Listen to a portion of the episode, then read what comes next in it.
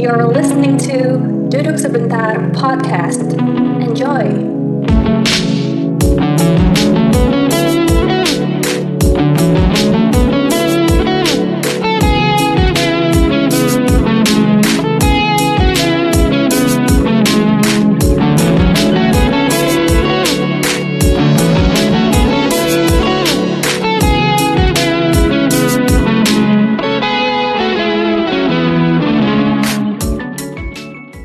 Hey lo semua lagi dengerin podcast duduk sebentar. Balik lagi sama gue Irsyad.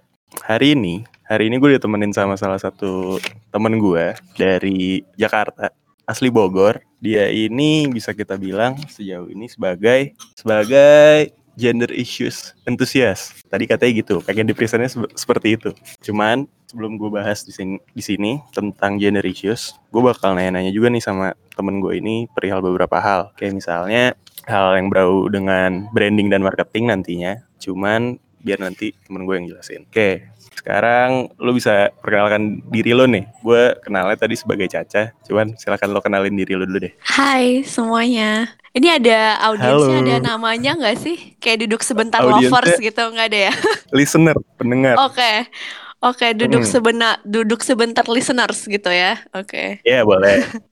oke nama gue Regina Jessica, tapi biasa dipanggilnya Caca aja. Pakai H, double H, Caca. Caca, oke Iya. Caca. Udah itu aja ya. Umur juga nggak sih? Itu Nggak aja. ya.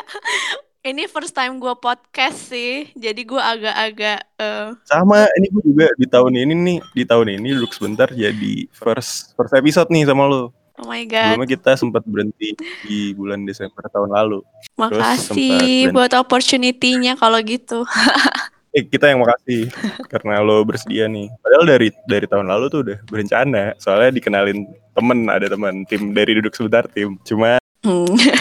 belum kesampaian. Akhirnya sekarang kesampaian buat bahas gender issues. Oke, Oke. sebelumnya gue mau nanya-nanya nih tentang experience lo dan juga sekarang lo sibuknya di mana. Dari yang kita dapat, lo ini sekarang kerja di salah satu media agency, bener ya? Yes, true. Terus di sana dari yang kita dapat lo megang salah satu fast moving consum- consumer goods untuk produk brand kosmetik bukan ya? Uh, skincare sih. Oh skincare ya, oke skincare. Nah, yang sekarang kita bahas tentang gender issues yang gak jauh-jauh dari ya laki-laki dan perempuan. Di sini kan lo megang brand ini, brand perempuan lah ya. Bisa dibilang brand perempuan walaupun ada cowoknya juga ya. Iya, tapi gue megang yang perempuannya sih. Itu kan dibagi dua lagi tuh Iya.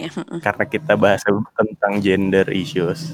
Gue mau nanya juga nih tentang teknik branding atau teknik marketing lo bahkan campaign lo ke produk ini, produk skincare ini. Gimana sih Ca caranya lo bisa bangun bangun campaign nih, terutama di era pandemi ini untuk nge- ngebangun market lo nih di era kayak gini. Marketingnya tuh tekniknya kayak gimana, campaignnya kayak gimana, yang lo lakukan sejauh ini kayak gimana Ca? Eh, jadi kalau di gue itu campaignnya dibagi dua. Satu tuh emang yang khusus Mhm. pandemi, gimana caranya kita bisa still Iya. be relevant. Terus yang kedua itu campaign yang eh, main campaignnya yang selama ini emang udah Ah. ada always on gitu. Nah kalau untuk marketnya sih sebenarnya target marketnya itu sama, cuman message-nya aja yang kita bedain Ah. kan karena pandemi ini. Dan kita itu sebenarnya untuk mencapai ke message tersebut itu kita udah ada ngelakuin tim risetnya sendiri. Apa sih yang audience market kita Oke. itu butuhkan Hmm. dalam skincare mereka di masa-masa pandemi ini. Sekarang nggak pandemi sih, udah Yeah. masuk new normal sih sebenarnya. Kemarin sempat pandemi, sekarang udah shifting Oke. lagi message-nya Nah, lo- gitu. Lo kan ini fast moving consumer goods ya? Ya FMCG. Mm-mm. Ah, FMCG. Ada nggak sih bedanya? eh, gimana caranya lo bisa eh, ngebangun market lo atau mungkin lo melakukan campaign untuk produk lo ini nih? Kalau misalnya produknya makanan kayak misalnya mie instan. Kalau misalnya kita buat di era pandemi atau new normal, kayaknya kan nggak ada bedanya ya. Semua orang tetap makan itu gitu. Mm-mm. Misalnya produknya contohnya Indomie gitu. Oke. Nah kalau lo nih yang lo lakukan itu ngikutin marketnya terutama di skincare ini contohnya kayak gimana Cah? Oke, ini kan berhubungannya dengan muka ya, kalau gue ya brand gue gitu. Jadi Ah. eh, yang sekarang disemarakan oleh pemerintah itu kan protokolnya adalah cuci tangan gitu kan, pakai masker, cuci tangan, terus jaga eh, social distancing gitu kan. Nah, selain itu gue sih tap innya kayak gak cuma si kuman bakteri ini nggak cuman dari tangan lo doang bisa masuknya gitu kayak lo ke kepapar polusi udara aja itu kuman bisa nyampe gitu kan ke muka lo. Nah jadi selain cuci tangan cuci muka itu juga penting sebenarnya sih kayak gitu. Nah di situlah celahnya gue untuk campaign gue Oh. ini gitu. Oh, berarti produk lo ada ada antibakterianya atau gimana gimana gitu? Yes, itu one of the claims sih. Dan kita itu nggak langsung kayak nakut-nakutin orang ya, kayak lo harus cuci muka biar lo nggak kena COVID gitu. Karena kan there's no guarantee um, buat itu gitu kan. Jadi kita bukan Oh, pakai wordnya bukan ah, virus gitu, tapi kita bilangnya kuman dan bakteri gitu sih. oh gitu. Nah kalau Jadi- misalnya, Mm-mm, nggak Hmm, nggak threatening nggak threatening market gitu loh maksudnya tapi still Oh. be relevant to the current hype topics aja oke. Terus kalau misalnya, itu kan tadi di era di era new normal ini ya. yes Kalau- Kalau misalnya lo karena mungkin majority-nya dari produk lo ini cewek dan lo megang yang cewek nih, itu lo ngelihat behavior dari konsu- konsumen lo itu beda nggak sama yang laki-laki? Gimana caranya lo nge-treat nge-treat konsumen lo nih? Kalau misalnya laki, mungkin lo dengan campaign yang muka dikotor-kotorin, tiba-tiba lo naik motor trail terus basah-basahan, kotor-kotoran. Nah kalau cewek, apa hal unik dari cewek yang bisa lo pakai nih campaign sebagai campaign? Be- behavior yang kayak gimana sih yang ada di oke mm. ini opini gue personal ya in general juga sih sebenarnya in in life general juga Mhm. kayak gini jadi si perempuan itu cenderung melihat em, perempuan lain sebagai kompetisi gitu kan. Jadi kalau misalnya perempuan lain kulitnya bagus, mereka pengen kayak gitu gitu kan. Makanya ada beauty beauty selebgram, beauty influencers gitu-gitu dan mereka itu Ah. punya punya power yang cukup eh, besar untuk nge-influence eh, target market gue gitu kan. Makanya produk gue Oke. itu heavy on using influencers gitu. Kayak Oh. apa aja semua tuh di Instagram gitu kan sekarang. Kalau misalnya yang cowok, uh-uh, yang cowok itu kan nggak kayak gitu gitu kan. Mau mau cowok lain mukanya bagus, mau cowok lain mukanya jelek ya. I don't know. uh, in my circle, mereka they don't they don't really care about it gitu kan. Oh ya udah kulitnya bagus. Oh ya udah gitu. Bukan yang kayak lo pakai ini apa, lo Oke. pakai ini apa nggak nggak kayak gitu in my circle gitu kan. Makanya biasanya Oke. kalau si cowok itu lebih ke general apa sih si- yang cowok-cowok pada para cowok ini suka gitu misalnya game gitu kan Oh. ya udah kita pakai gamification kayak gitu nah kalau cewek kan Oh. nggak nggak bisa ditarik satu garis satu garis line untuk ngedefine gitu kan ya ya in, in terms of genre gitu loh nggak nggak semua cowok nggak semua cewek main game gitu Ah. nggak semua cewek suka gosip gitu kan Ah. tapi in general cewek itu ngelihat cewek lain sebagai kompetisi Ah. makanya tadi gue bilang ada beauty influencers and so on gitu Ini ngomongin tentang competition in beauty ya. Tadi kan lo sempet nyinggung itu.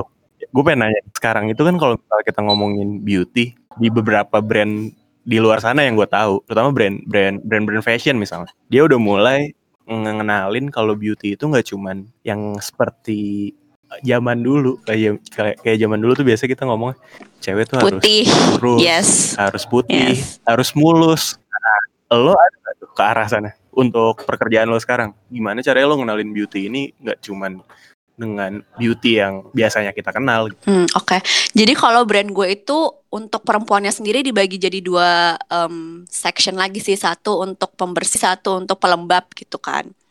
Nah kalau yang untuk pembersih itu kita lebih Hmm. eh, lebih general dan lebih edukatif gitu kayak eh, ini tuh lu penting cuci muka biar Hmm. muka lu bersih dan sehat udah gitu bersih dan sehat kan impian semua orang kan maksudnya nggak ada ya nggak ada Oh, rasis atau apa tentang em, kulit dan Ah. gender gitu kan semua semua orang terlepas dari Yeah, gendernya yeah, pengen bersih dan sehat gitu kalau untuk yang moisturizer pelembab itu mereka baru approach-nya communication itu beda. Kayak semua intinya warna warna kulit apa aja lo lo bisa cantik gitu sih. Jadi Oh. mereka ada nge pakai different uh, skin types buat nunjukin kalau lo tuh bisa juga cantik gitu terlepas dari warna kulit lo.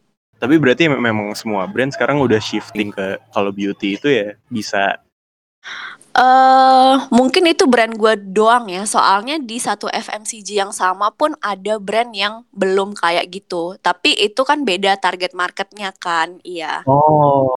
Oke oke. Oke, ini ngomongin soal campaign-nya, ada yang pengen lo tambahin gak nih? Gue mau masuk ke pengenalan lo nih yang kedua. Enggak, enggak, enggak. Udah. Nanti kebocoran makin lama.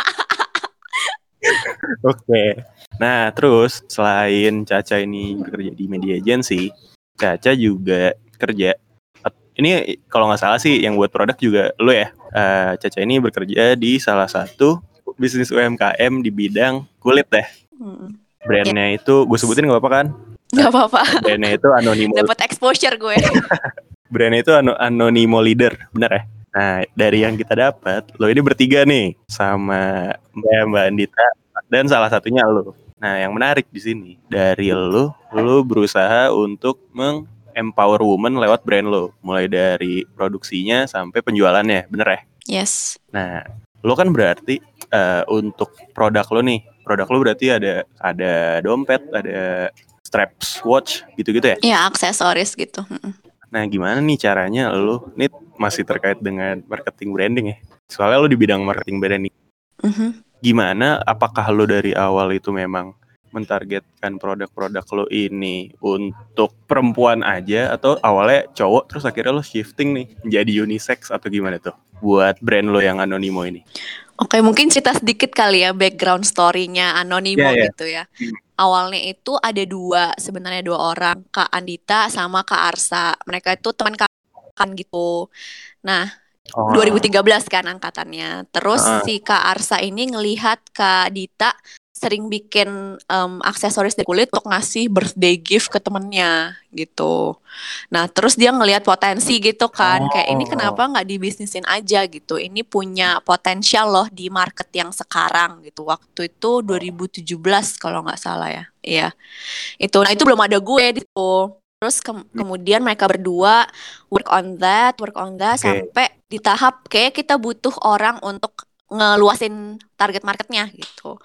Nah karena Kak Arsa ini adalah kakak tingkat gue, gue kan 2015, terus ya udah gue Iya. kayak gue pengen juga punya pengalaman di bidang marketing dan eh, ini challenging sendiri sih buat gue gitu kan karena Hmm. brandnya sendiri, eh sorry em, kategorinya sendiri kulit itu kan masih dominasi eh, laki-laki gitu kan kayak masculinity gitu Iya betul. ya udah jadi Hmm. gue kayak ya udah ya kak eh, siapa tahu suka kalau nggak suka pelajaran gue dapet gitu kan kayak solution aja gitu heeh. terus ya udah em, Hmm. kita bertiga awalnya kemudian dari awal sih ceritanya emang udah align aja gitu kita dibantuin sama eh, ibu-ibu tetangganya Kak Dita gitu kan untuk bikin itu kan per tahap ya mereka bikinnya misalnya tahapnya cuttingnya itu ibu A tahap eh, ngejahitnya itu ibu B kayak gitu kan. Gitu. Jadi kenapa nggak sekalian nge-branding nge-branding si Anonimo ini sebagai empowerment gitu. Yang Hmm. first of all dunianya laki-laki kita kemudian jadiin Ya. nggak cuman laki-laki kok yang suka itu gitu kan. Kan leather has no gender gitu. Kayak siapa aja bisa suka. Itu kan iya selera orang kan. Selera orang gak sih tagline-nya gitu gitu ya? kan. Ya ya udah gitu. Iya Nah, benar. kemudian uh, I don't know ini kayak mungkin pertamanya coincidence gitu kayak semuanya cewek yang ngehandle sampai ke sistem produknya gitu kan ya udah kenapa nggak sekalian aja kita bikin kayak gitu brandingnya gitu Berarti sampai sekarang yang mengerjakan sampai akhirnya berakhir di penjualan tuh perempuan semua sampai sekarang. Kalau sekarang udah nambah satu sih laki-laki di bagian finance-nya. Karena Oh. udah ke chaos Oh. gitu. Nah, tapi terus kemudian ya kemarin sih sempat kita kan dilemanya juga apakah kita tetap bertahan dengan eh, idealis kita idealis kita Heeh. kalau ya udah harus perempuan semua perempuan-perempuan gitu kan. Tapi ini juga yang jadi concern gue kayak gue belajar kalau misalnya eh, nggak penting sih gender yang penting kualitas gitu kan. Apakah si orang ini bisa kerja dengan baik gitu kan performancenya baik dan, dan bawa good impact ke brand gue gitu terlepas dari gendernya gitu. Nah, benar Terus ya udah kayak setuju gitu kan ya udah eh, kita punya kandidat perempuan juga cuman eh, Ah. dari background historinya nggak terlalu mumpuni dengan laki Oh. gitu ya udah gitu deh Kalau gue daftar gitu masih bisa lah ya.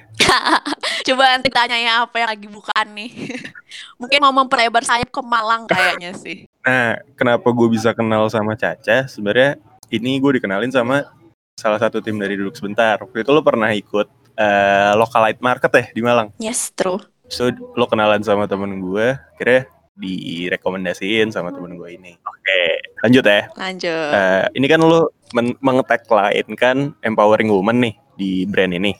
Walaupun sekarang akhirnya lo menganut merit system untuk mendukung siapa pun yang kompeten ya lo masukin kan? Yes, yes, yes.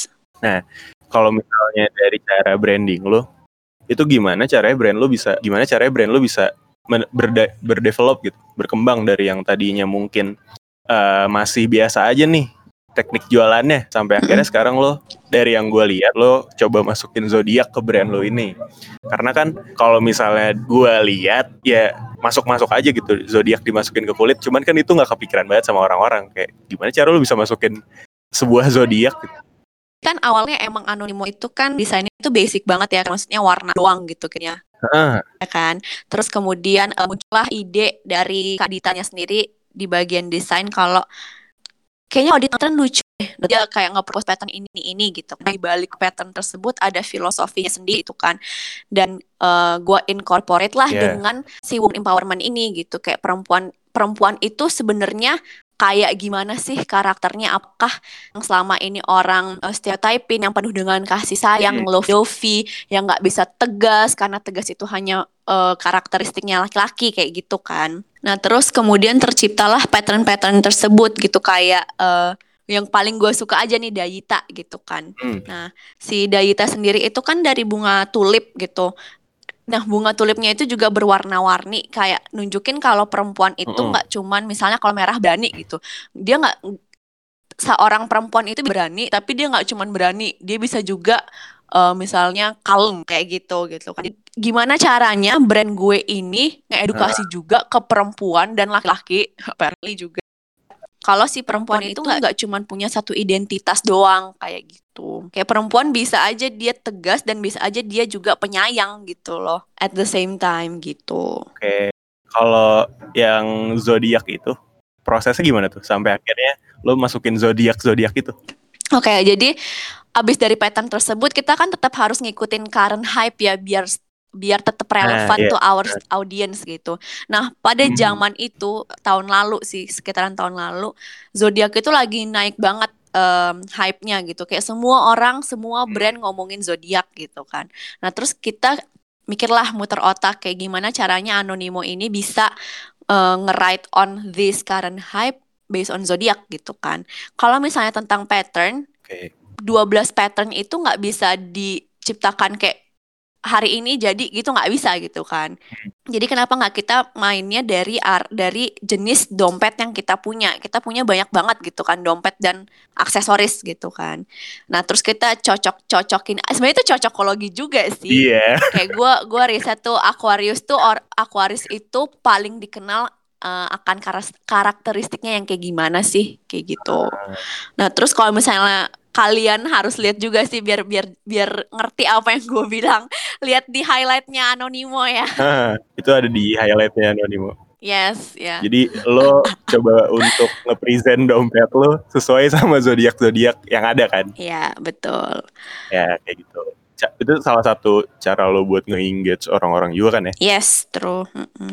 Tapi nggak maksud gue itu nggak nggak nggak nggak mengeneralisasi kalau lu Aquarius lu harus beli card holder gue karena lu tuh genius dan objektif. Enggak gitu loh.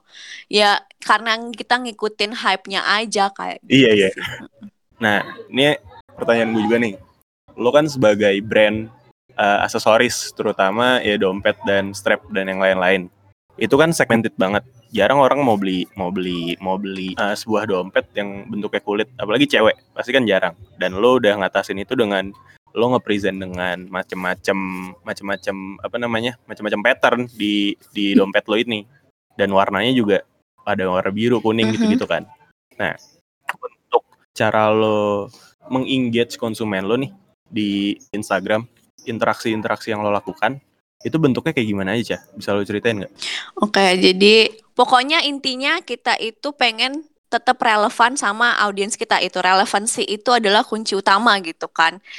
Dengan the world evolves terus kayak hype itu berubah dari zaman ke zaman gitu. Jadi kita tetap nge, nge apa sih namanya nge catch up gitu kayak sekarang lagi uh, relevannya apa sih hype-nya apa sih misalnya TikTok gitu kan. Ya udah kita bikin TikTok aja video terus muter otak aja kayak gimana caranya uh, okay. kita bisa nge-engage ke consumers kita gitu.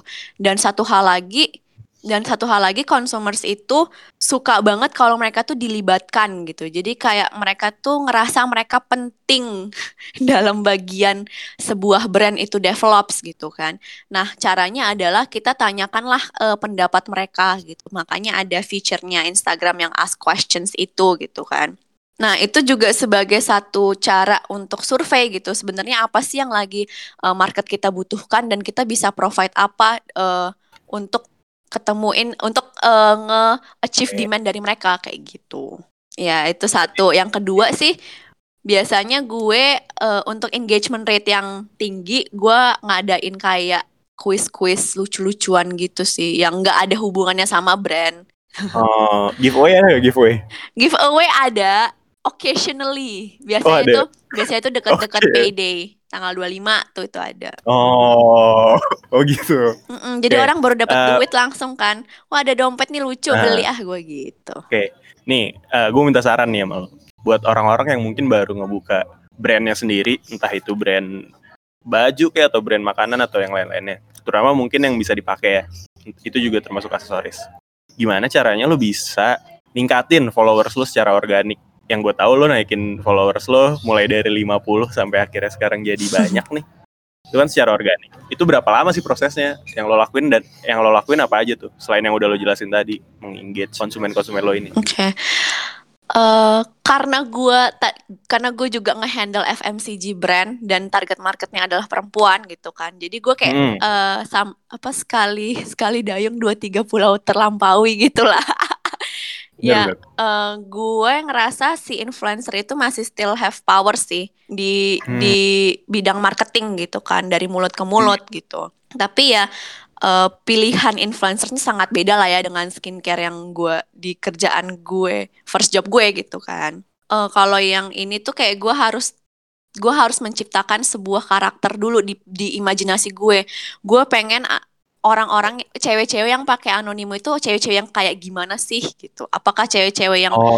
ke kantoran? Oke, kalau ke kantoran dia hmm. kantornya di mana? Lifestyle dia seperti apa? Okay. Gitu. Kalau misalnya kayak oke okay, dia kantornya uh, let's say di startup gitu kan. Nah, hmm. startup itu di daerah mana aja? Terus gua harus uh, brand gue harus presence dong di di deket di deket tempat kerjanya mereka supaya oh. mereka itu kelihat suka beli gitu kan. Gitu sih. Sebenarnya semuanya kalau gue ya di brand gue yang masih baru ini ya udah lama bukan dong, yang FMCG dari 2017 ya kan? itu gue lebih main ya tiga tahun udah lumayan.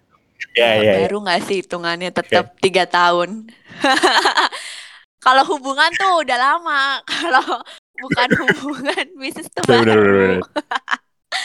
ya nggak apa-apa dong kita kan sekalian chill gitu kan. Ini hari Sabtu loh sore-sore. Ngomongnya serius-serius amat okay. gitu kan ya gitu sih jadi semuanya awal imajinasi gitu gue pengen orang yang kayak gini kayak gini gini terus trial and error juga gitu harus harus siap okay. menerima resiko dan gagal gitu sih kayak oke okay, if the if plan A doesn't work, okay. gue masih punya B sampai Z plannya gitu kan. Oke, okay, ternyata market gue bukan orang-orang seperti Ibu Caca misalnya. Market gue adalah seperti Mbak Ocha gitu misalnya. Oke, okay. berarti intinya nih dari branding, cara branding lo untuk produk lo ini, uh, gimana caranya lo bisa mengengage itu lewat relevansi. Yes, yes. Dan gimana caranya brand lo gede ya? Yang penting lo punya karakter utama yes, dulu kan betul. dari target market lo dan lain-lain. Oke. Sekarang gue mau bahas tentang experiences lo nih. Yang menarik dari lo, dari yang kita dapat. Lo ini pernah jadi, pernah intern di dua instansi pemerintahan. Yes. Gue sebut gak apa-apa kan? Gak apa-apa. Oke. Yang pertama lo pernah jadi junior policy analyst di Kementerian Pemberdayaan Perempuan dan Anak, betul ya? Yes. Satunya lo pernah jadi jadi legislative legislative assistantnya dari Ketua Komisi DPR 1 RI, betul ya? Yes, betul. Oke. Nah, yang menarik di sini di Kemenpa, lo pernah lo lo ada di bidang Apa nih, Cah? Lu ada di bidang apa, Cah? Eh, kesetaraan gender dalam bidang politik, hukum dan keamanan. Polhukam. Oke, itu, itu udah udah udah masuk mulai yang berat nih ya. Oh tadi belum berat ya? Mungkin sama-sama berat, cuman tadi itu dalam bidang marketing, sekarang dalam bidang eh, politik gitu kan? Iya. Terus yang di yang di DPR RI lu jadi legislative assistant. Iya, staf Tapi ahli. ketua komisi langsung tuh ya. Iya, privilege banget gak sih gue? Ada Nah. buatan aner. For your information nih para listener anjing. jadi si Caca ini jadi legislative intern itu pas masih maba, bener kan? Iya. Sumpah ini kalau gue ngobrol, gue, gue ngomong, nanti kayaknya para listener kayak ngehujat gue gitu loh. Soalnya kan gue masuk masuk kuliah tuh Agustus 2015 gitu kan. Iya, sama dong gue juga. Oh iya iya iya. Dua- Agustus 2015 terus libur semester itu kan Desember. Terus gue kayak Mm. gue awalnya itu kan sebenarnya nggak mau masuk HI kan. Gue pengennya komunikasi gitu. Ah, Terus akhirnya masuk HI terus gue ngerasa mm. Kayak I have a lot to catch up gitu. Kalau misalnya gue nggak catch up ya gue bakal ketinggalan banyak dari teman-teman gue gitu kan. Adalah orang yang lebih ke realistis gitu. Oke di buku teorinya kayak gini, rea- realistisnya itu kayak realita itu kayak gimana sih gitu. Jadi gue kayak ah Desember Oh, oke oke. Berarti lo bisa dibilang lo curi curi curi starting point dong daripada teman-teman lo yang harusnya magang di semester berapa, ya gak sih? kalau di UGM itu nggak ma- magang itu nggak wajib sih. Oh, Mm-mm. Nah terus gue kayak Desember yang lain pada liburan anjir gue bosan di eh, rumah ngapain ya yaudah deh magang aja gitu. ah gila visioner. Sumpah. Visioner banget lo. gue kayak tapi magang di mana ya gitu kan pokoknya kayak gue nggak yakin ada ada ada perusahaan atau lembaga yang mau nerima anak maba gitu. Paling apa sih? Cetek banget lah pasti pengetahuannya gue dapet apa dari dia gitu kan. Tapi gue kayak "Ya udahlah pede-pede Nah. aja. Coba aja dulu kalau gagal ya udah kalau masuk ya alhamdulillah gitu kan. Oke, buat yang nggak tahu nih, si Caca ini ada di bawah di bawah langsung eh, Ibu Mutia Hafid, bener ya? iya bener. Dan tahun 2015 itu dia udah jadi ketua komisi. Setahu gue sampai saat Yes. ini dia masih menjabat sebagai ketua komisi DPR eh, DPR RI ini, ketua komisi 1. Itu kan membawahi pertahanan luar negeri komunikasi sama kalau nggak salah intelijen ya. yes betul Nah, lo di dalam di dalam sana dengan lo yang masih semester baru kelar semester 1, Mm-mm. apa aja tuh yang lo dapet akhirnya? Mungkin buat adik-adik yang dengerin ini deh. Supaya jangan takut gitu. Kita kalau magang ya jangan di situ-situ doang. Apalagi kalau anak HI paling mentok-mentok di di mana namanya Kemenlu atau mungkin lo di mana kayak gitu-gitu kan. iya Tapi lo berani untuk ngambil DPR RI. Apa nih yang lo apa yang lo dapat di sana? Oke. Eh ini yang wak yang gue dapet pas zaman itu ya. Bukan pas sekarang setelah sekarang gue kayak nge-relate sal- satu dengan yang lain experience gue kan. Iya ya. Oke. Itu soalnya dua hal yang berbeda. Nah, Jadi kalau pas 2015 itu sel- setelah selesai eh, magang gue kan bikin laporan kan. Laporan untuk Bu Mutianya sih sebenarnya apa yang gue eh, pelajari gitu. Soalnya kan emang gak ada eh, kewajiban dari kampus gue untuk magang kan hmm. gitu. Terus gue yang paling eh, yang paling nomor satu gue tulis adalah dia itu present di dalam eh, rapat-rapatnya dia gitu. Ah, Jadi bukan cuman bukan cuman hitungan absen doang kayak ini hadir ini hadir. Enggak tapi dia benar-benar presence. Dia ngasih eh, ide dia dia ngasih em, eh, rekomendasi dia seperti apa. Terus dia juga menyediakan fakta. Faktanya begini terus Indonesia butuhnya ini maka saya mensuggest ini kayak flow of eh, communication dia itu jelas gitu loh. Jadinya siapa pun yang datang pas ke rapat itu bahkan gue yang intern sebagai staf ahli itu gue ngerti duduk masalahnya Padahal sebelumnya gue kayak ini apa gitu kan. Oke. Kayak gitu sih. Berarti Bu Mutia ini salah satu orang yang menginspire lo juga nggak? One of my role models. Oke. Iya gila, gokil sih. Enak gak enaknya selama lo magang di sana nih? Apa tuh? Kalau boleh tahu ya. Enaknya pastinya privilege to learn ya, to learn Ah. new things gitu and to gain knowledge from the experts dari langsung dari expertsnya gitu kan. Karena pas zaman gua intern itu gua nggak cuman kenal sama Bu Mutia, tapi kan sama relasi relasi relasi beliau gitu kan. Ah. Pas meeting beliau memperkenalkan gue sebagai ini uh, intern staff ahli saya kalau misalnya uh, mau bikin kon, kon, apa uh, janji ya sama uh, Mbak Caca gue diperkenalkan Mbak Caca oh, dong gitu keren keren keren, keren. satu Berarti lo juga berkomunikasi sama Tuh. anggota DPR yang lain dong ya? Uh, Gak yang semuanya sih yang sama sama staff yang pas staff, staff ahlinya mereka. Iya sama staffnya betul betul. Oke. Okay. Gitu. Terus nggak cuma sama itu sih sama media juga kan banyak media yang ngecover uh, oh. uh, beritanya gitu dan kalau misalnya uh, Bu Mutianya hmm. tidak, berhalangan untuk uh, ngasih uh, satu kata dua satu kata dua kata ya kan dari gue gitu kan dari minutes of meetingnya seperti apa kayak gitu sih. Oke, okay. terus nggak enak ya? Nggak enaknya, oh ada nih pengalaman gue ya, ada gimana, ada kan ditanya dong. Oke, okay, intern gitu. Biasanya mahasiswa magang itu itu juga gue baru tahu sih. Gue kan maba apalagi di jurusan yang intinya gue kayak nggak pernah cari tahu tentang jurusan itu jadi gue clueless banget gitu kan yeah. gue nggak gua nggak tahu kalau misalnya uh, universitas lain itu ngasih tugas ngasih uh, magang itu sebagai kewajiban untuk lulus dan ini bisa diambil sebelum skripsi Ya, jadi gue tahu kalau di universitas itu ada uh, di universitas lain ada itu kan.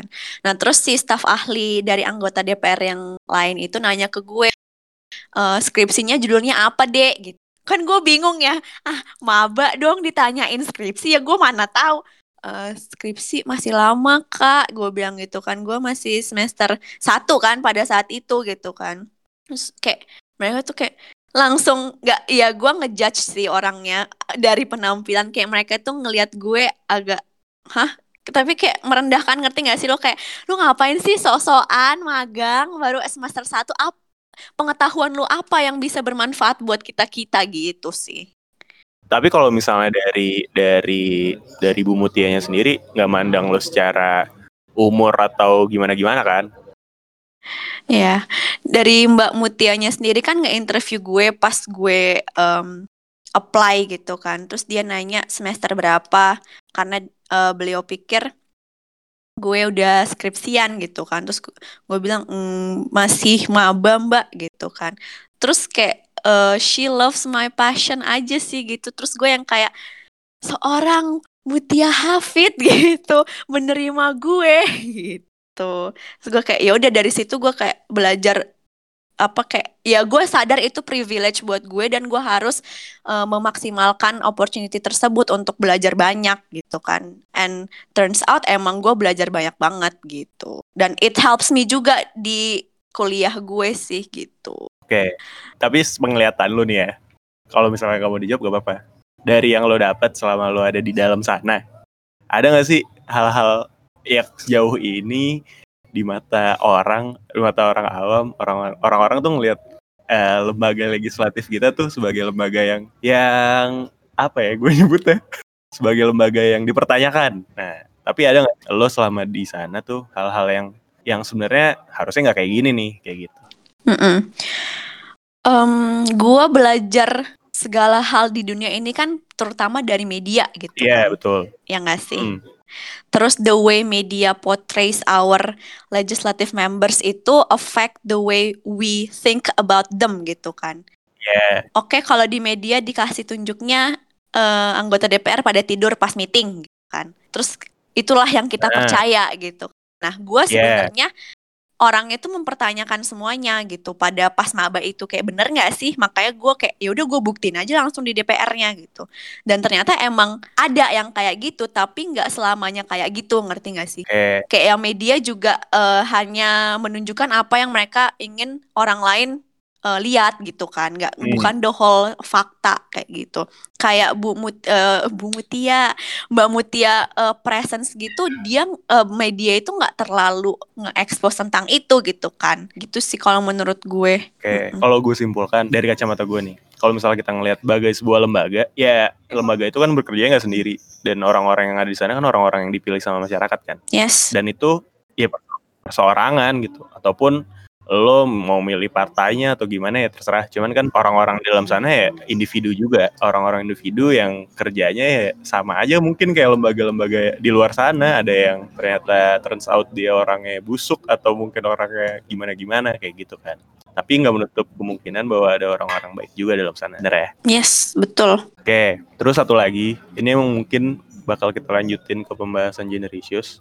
Lo di sini pernah magang di Kementerian Pemberdayaan Wanita dan Anak. Nah, lo di sini kan tadi di bidang uh, legislasi, uh, bidang apa tadi cah? Politik hukumnya ya, polhukamnya kan ya? Polhukam.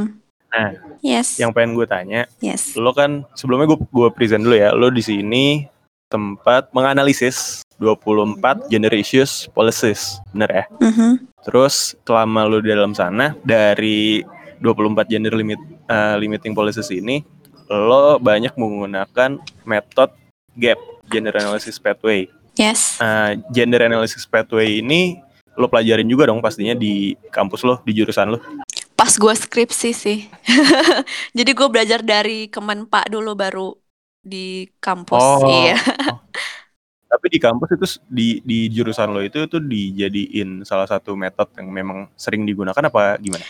Em, kalau gue kan belajarnya itu HI ya maksud gue adalah lebih ke international issues-nya gitu kan and how other countries uh, take care of this issue gitu bukan ke method metodenya Hmm. kayak gimana gitu. Oke dia di- eh, di mata kuliah itu dikasih tahu ada method seperti ini eh, langkah-langkahnya seperti ini but that's it gitu loh. Mungkin eh, you can figure it out by yourself latihan aja sendiri gitu kan. Nah, gue latihannya dari si Kemenpa Oke. ini gitu. Oh, ini ternyata seperti ini, seperti ini gitu. Oh. Makanya gue, ya itu teorinya lu dapat dari kampus. Untuk eh, di realitanya ya lu cari Hmm. sendiri gitu loh. Menurut gue ya kayak gitu sih orangnya gue. Oke. Oke, sebelum masuk ke hal-hal yang udah lo analisis di sana, apa aja nih yang lo dapet di sana? Lo sempat pastinya lo sempat nge-interview beberapa orang di dalam sana mungkin ya. Of course. Apa aja yang didapat? Hal yang menarik yang bisa yang bisa lokasi ke teman-teman pendengar dari intern atau magang di Kemenpa ini. gue belajar kalau it's no longer about quantity sih. Quantity as in presence gitu kan kayak oke lebih banyak perempuan eh, yang lebih banyak perempuan decision makers di Kementerian Pemberdayaan Perempuan dan Anak tapi it's it's more than that gitu loh. Nggak seharusnya cuman kuantitinya aja tapi kualitinya juga harus diperhatikan gitu loh. Ngapain lu punya banyak perempuan eh, di di kementerian tersebut kalau misalnya perempuan itu nggak bisa deliver eh, hal-hal yang diharapkan? Seperti itu. Itu sih intinya. Oke, bisa nggak lo kasih gambaran ke teman-teman di sini yang dengerin. Hal-hal atau mungkin gender policies issues seperti apa sih yang sering dibahas di sana? Kasih contoh-contohnya aja biar mereka dapat konteksnya nih. Em, banyak banget cuy. Oke satu itu yang paling gue concern dulu ya yang paling eh, the most interesting for me gitu itu eh, kebijakan yang gerbong khusus perempuan di KRL pas 2017 tuh lagi marak KRL Jakarta kan ya? Yes, yes. sebutannya sih lupa gue KRL Jakarta. KRL Jakarta tuh sebutannya apa? kenapa A- ada sebutannya lupa tapi ya lanjut. KRL Jakarta. Nah. Oke. itu itu satu. Yang kedua itu eh, masalah UU ITE juga Gimana tuh UIT? yang em, ini hubungannya sama RUU PKS juga sih sebenarnya kayak gimana kita lebih melindungi korban di- yang korban itu lebih banyak perempuannya kayak gitu instead of melindungi si pelaku itu. Terus eh, yang ketiga itu dampaknya punya perempu punya lebih banyak perempuan di em, parlemen tuh apa sih terhadap kebijakan gendernya itu sendiri gitu? Apakah lebih responsif? Apakah lebih eh, sensitif terhadap masalah-masalah gender atau enggak gitu? Oke. Terus dari dari gender policies ini mungkin udah yang mungkin lo orang-orang yang denger udah pada dapat konteksnya ya para pendengar ini listener. Hopefully, Nah, jadi di sana lo banyak analisis pakai metode gap ini kan. yes. Gue bakal gue bakal ngasih gambaran metode gap itu kayak gimana. Ntar kalau gue salah silakan lo koreksi ya. Yes. Oke, jadi metode gap ini gimana caranya institusi ini bisa buat kebijakan atau program untuk ya entah itu untuk masyarakat atau untuk SKPD tertentu, tapi dengan memperhatikan eh, gender di dalamnya. Entah itu untuk kepentingan laki-laki dan perempuan atau untuk laki-lakinya aja atau untuk perempuan. Betul ya? Yes. Oke, jadi di dalam metode ini tuh panjang dan salah satu yang gue pertanyakan di sini, nanti lo bisa bisa cari sendiri nih gap gap method analisis tuh kayak gimana. Dan ini menurut gue penting untuk dipakai di di ya di di kantor-kantor yang ada di Indonesia lah ya institusi-institusi yang ada di Indonesia nggak cuman pemerintahan doang Yes. kayak misalnya di sini eh, contohnya misalnya programnya itu program wajib belajar pendidikan 9 tahun misalnya terus di dalamnya Mhm. eh, jumlah jumlahnya itu ternyata eh, anak laki-laki itu lebih banyak daripada anak perempuan yang sekolah 9 tahun.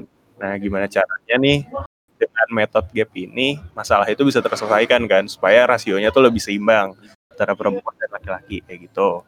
Yes. Yes. Betul. Nah, lo di sana dengan yang kita bahas satu kasus ya, misalnya tadi yang soal gerbong deh yang paling lo interest. Yes. Itu di sana kan ada faktor internal dan eksternal, Ca. Bener dong? Yes. faktor internalnya itu dari yang masalah gerbong ini bisa lo ceritain nggak? Apa yang akhirnya mendecide uh, deci- decision mak- maker ini di sini berarti Kemenpanya ini kan ya Yes. sampai bisa ngebuat regulasi tentang gerbong perempuan dan gerbong umum ini Oke. secara internal ya. Jadi si gap sendiri ini kan emang awalnya itu mengidentifikasi masalah apa sih masalah em, based on gender gitu ya.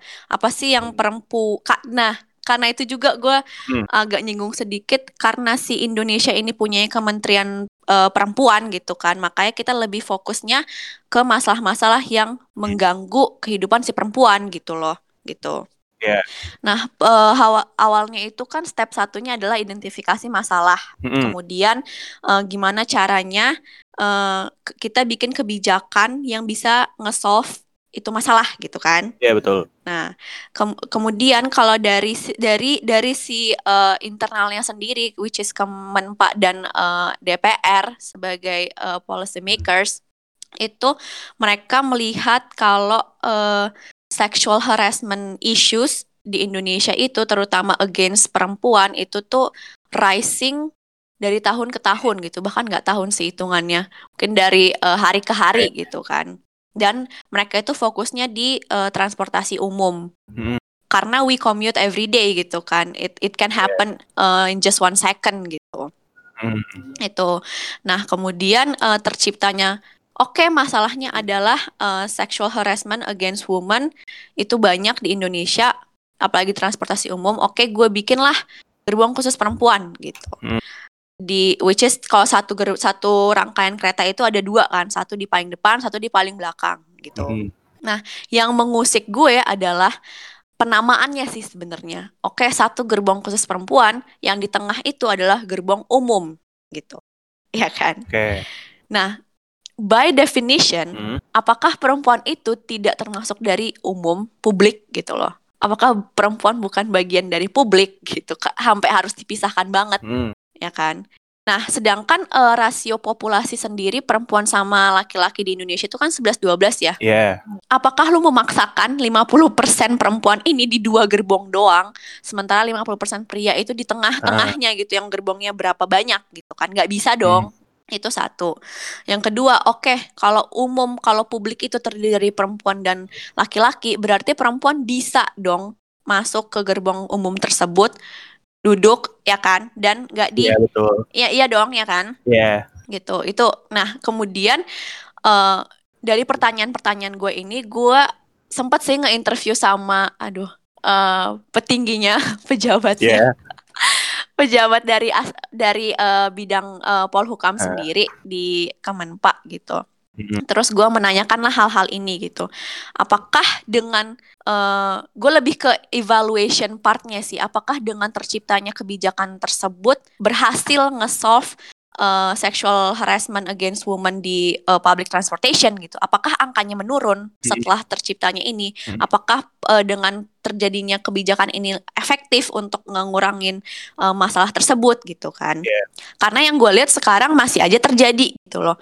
Dan dan eh, Iya. nggak cuman lak- nggak cuman perempuan yang ngalamin eh, pelecehan seksual gitu kan laki-laki juga Sexual harassment di gerbong ini. yes gitu kan tapi Nah. it turns out kalau misalnya kalau Indonesia itu punyanya kementerian perempuan bukan Yeah. kementerian laki-laki gitu jadi mereka lebih fokus ke perempuan itu sih satu yang gua sayangkan gitu kan karena kan definisi gender sendiri kan bukan cuman perempuan ya ini juga yang sering salah di Yeah. masyarakat gitu kan ketika kita bilang gender equality orang-orang tuh pasti kayak wah ini feminis nih wah ini pasti cuman empower cewek nih kan itu enggak gitu loh Ya betul. ya nggak sih kayak cowok juga perlu di cowok juga perlu di empowered menurut gue ya Bahkan di gitu di RUU PKS itu nggak nggak di nggak di nggak di, di highlight kalau RUU PKS ini untuk perempuan, tapi ya itu untuk untuk korban-korban pelecehan seksual. ya which is yang belum disahkan sampai sekarang kan Iya. Oke. Lanjut lanjut lanjut. gitu. but it's another it's another issue Hmm. kan oke ini gitu terus eh, yang kedua kalau gue gue tanyain juga sih kenapa eh, bukan kenapa eh, reaksi reaksi beliau kalau misalnya ada perempuan yang masuk ke gerbong umum kemudian dia dilecehkan di gerbong tersebut sikap pemerintah itu kayak gimana sih gitu dan gue dapet respon yang yang nggak gue sangka aja gitu kan kayak eh, gue mikirnya how do I put this into sentence ya?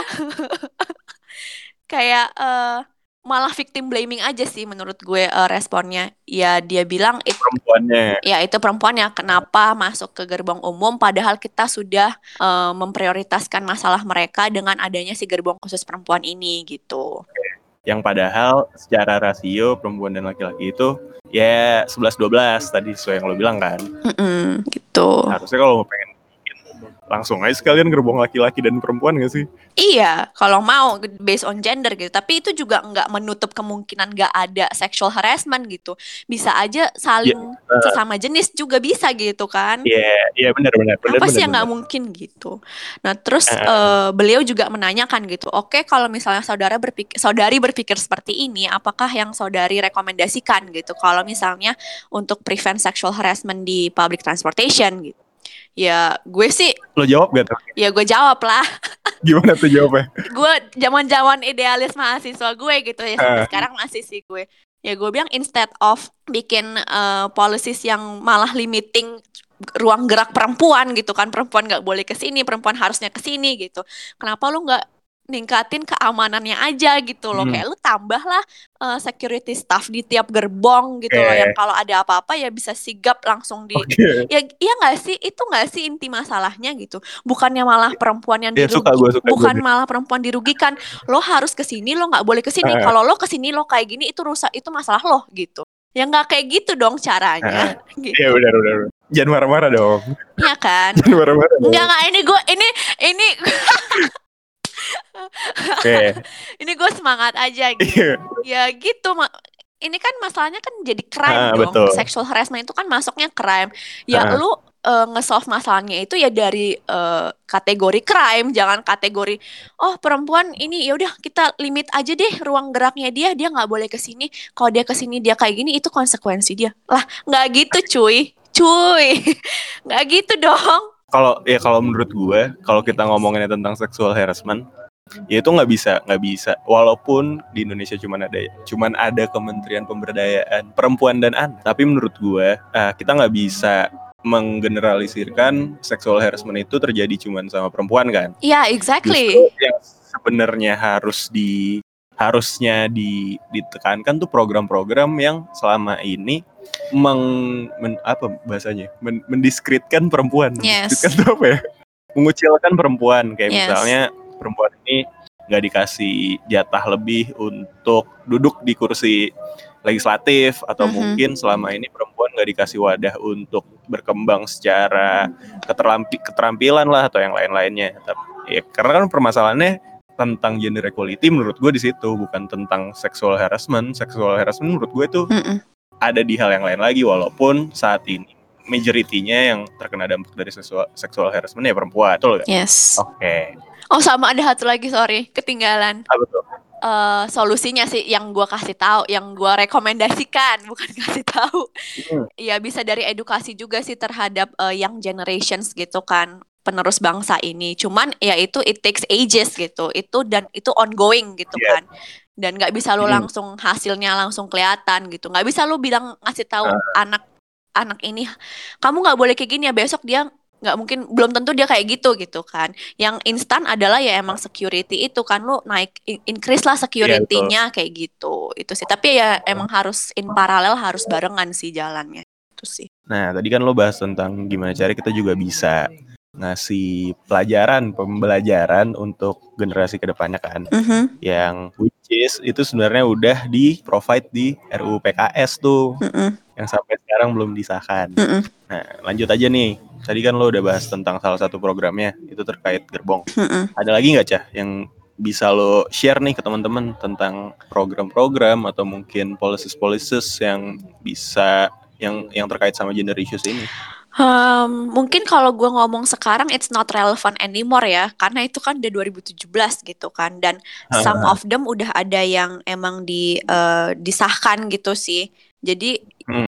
mungkin kita mm, direct our attention to RUU PKS aja sih for now and how how important it is gitu loh. Kayak urgensinya sudah sangat tinggi untuk disahkan gitu. Oke, untuk RUU PKS seperti yang teman-teman tahu, ini kan membahas tentang eh, perlindungan terhadap eh, orang-orang yang kena pelecehan seksual, korban yes si korban. Eh bukan korban deng, kalau bahasanya penyintas. Iya. Nah, Yoi. yang di dalamnya ini isinya tuh isi dari RUU PKS buat yang nggak tahu kalian bisa nyari di tulis saya di Google draft RUU PKS tuh udah udah ada semuanya yang isinya di dalam itu udah termasuk yang harus dilindungin tuh yang kayak gimana aja sih misalnya eh, pelecehan seksual itu termasuk eksploitasi terus juga ada pemaksaan aborsi pemaksaan kontrasepsi perkosaan pemaksaan perkawinan pelacuran dan yang lain-lain intinya tentang penyintas dan pidana tentang kekerasan seksual.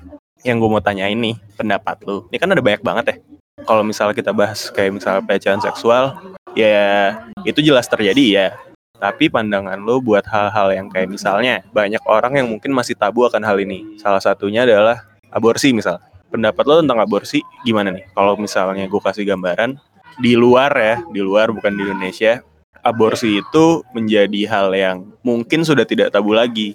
Kalau misalnya ada seseorang yang misalnya contohnya ada orang yang mantap-mantap nih, terus akhirnya eh, akhirnya hamil, tapi karena dia mementingkan kepentingan yang lain, misalnya kayaknya kayak ini anak nanti mau dikasih makan apa, orang kita belum sama-sama kerja, atau misalnya kita nggak nggak punya uang buat ngeber- ngebesarin anak ini daripada nanti anaknya lahir tapi sengsara, ya dengan keputusan yang bijak kayak lebih baik diaborsi, misalnya kayak gitu. Tapi kan kalau di Indonesia, ini hal yang tabu nih untuk melakukan hal ini. Pandangan lo seharusnya, di, seharusnya nih terkait aborsi ini tuh kayak gimana sih? Kita nggak ngomongin tentang pemaksaan aborsi ya. Kalau pemaksaan aborsi kan jelas itu udah termasuk kekerasan seksual nih. Yes. Tapi kalau buat pandangan aborsi secara umum nih, lo ngeliatnya kayak gimana? Dan seharusnya yang bisa kita terapkan di di di Indonesia lah ya, itu kayak gimana sih?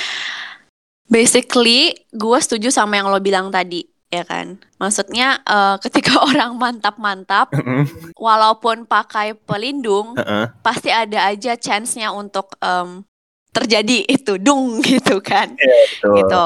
Nah, salah satu dari eh, konsekuensi tersebut mereka juga harusnya sih sudah tahu ya, sudah teredukasi gitu kan. Dan dan ketika mereka melakukan aborsi juga eh, menurut gue itu tuh udah eh, best decision for all all parties gitu kan. Udah dipikirkan dengan Ah. matang-matang dulu gitu sebelumnya nggak mungkin kayak langsung itu maksudnya it, it, it's it's a bit it's a big thing sih kalau Yeah. buat gue gitu kan Even even untuk gitu. calon calonnya Nah, itu kan, eh. calon apalah zigot. Iya, tergantung sih tergantung berapa bulan ya kan. Zigot tuh masih awal-awal banget. ya kan? ya maksudnya kayak gitu. gitu. Lanjut. Terus jangankan aborsi yang masih tabu di Indonesia gitu kan. Seks aja di Indonesia tuh masih tabu banget gitu. Mm-mm. Kayak lu nggak lu nggak boleh ngomongin seks ke anak Betul. yang masih kecil gitu. Bilang aja seks is not good gitu kan. Sampai lah ke, ketika si anak ini udah gede, dia Hmm. merasa kayak oke it's not good, it's not good, it's not good. I don't have to do this gitu-gitu. Tapi kan kita nggak tahu ya orang ada yang eh, tingkat keingintahuannya lebih tinggi daripada yang lain. Dia pengen coba gitu. Emang not goodnya tuh seperti apa sih kayak gitu kan? Iya, Jadi terjadilah hal-hal yang tidak diinginkan. betul. Terus karena dia lack of education, dia nggak tahu harus kayak gimana menyikapi. Dia stres. Terus eh, dari society dia juga pasti dia di iniin di victim blaming lah intinya gitu kan gitu sih maksud gue kayak eh, aborsi itu it's another level after sex nggak sih kayak seks itu aja udah masih tabu apalagi aborsi gitu kan Iya betul. Nah, kalau gue sempat Hmm. sempat nge-research juga sih tentang ini ke negara sebelah Malaysia dan Singapura gitu kan. Gimana tuh? Kalau mereka itu Outputnya apa? ya? eh, kalau mereka itu abortion is legal tapi sampai eh, beberapa bulan aja gitu. Kalau gua nggak salah sih sampai empat bulan apa ya. Jadi Oke. itu nggak tahu sih kalau kalau kata mereka sih kepercayaannya adalah sebelum empat bulan tuh belum ada nyawanya lah. Jadi tidak menyakiti siapa, tidak membunuh intinya gitu. Dan Tapi it's it's different di Indonesia gitu kan. Iya. Kalau di Malaysia dan Singapura itu boleh melakukan eh, aborsi walaupun si eh, ibu dan ibu dan ayahnya itu tidak ada ikatan pernikahan kalau mereka di atas dua di atas 18 tahun itu boleh Hmm. melakukan itu tanpa persetujuan orang tua gitu karena mereka sudah dianggap iya dewasa betul. tuh Lain halnya di sini. lain banget gitu loh kayak di sini aja di sini aja oh, anak anak umur 21 aja masih dianggap anak kecil gitu kan Ma. lu masih di bawah eh, di Ah, bawah lu selama lu masih di rumah gue lu belum nikah keluar itu lu masih tanggung jawab gue gitu kan orang tua nggak tahu sih orang tua Hmm. orang tua yang gue tahu ya gitu Iya. Dan juga kalau kita ngomongin tentang aborsi tadi, otomatis kan di sini eh, penyintasnya itu kan masih perempuan, nggak mungkin dong laki-laki hamil, ya kan? yes Nah. yes Itu kan secara banyak hal tuh kaitannya nggak cuman akan kesehatannya aja, tapi juga secara psikologis dan yang lain-lain itu juga ngefek ke penyintas ini.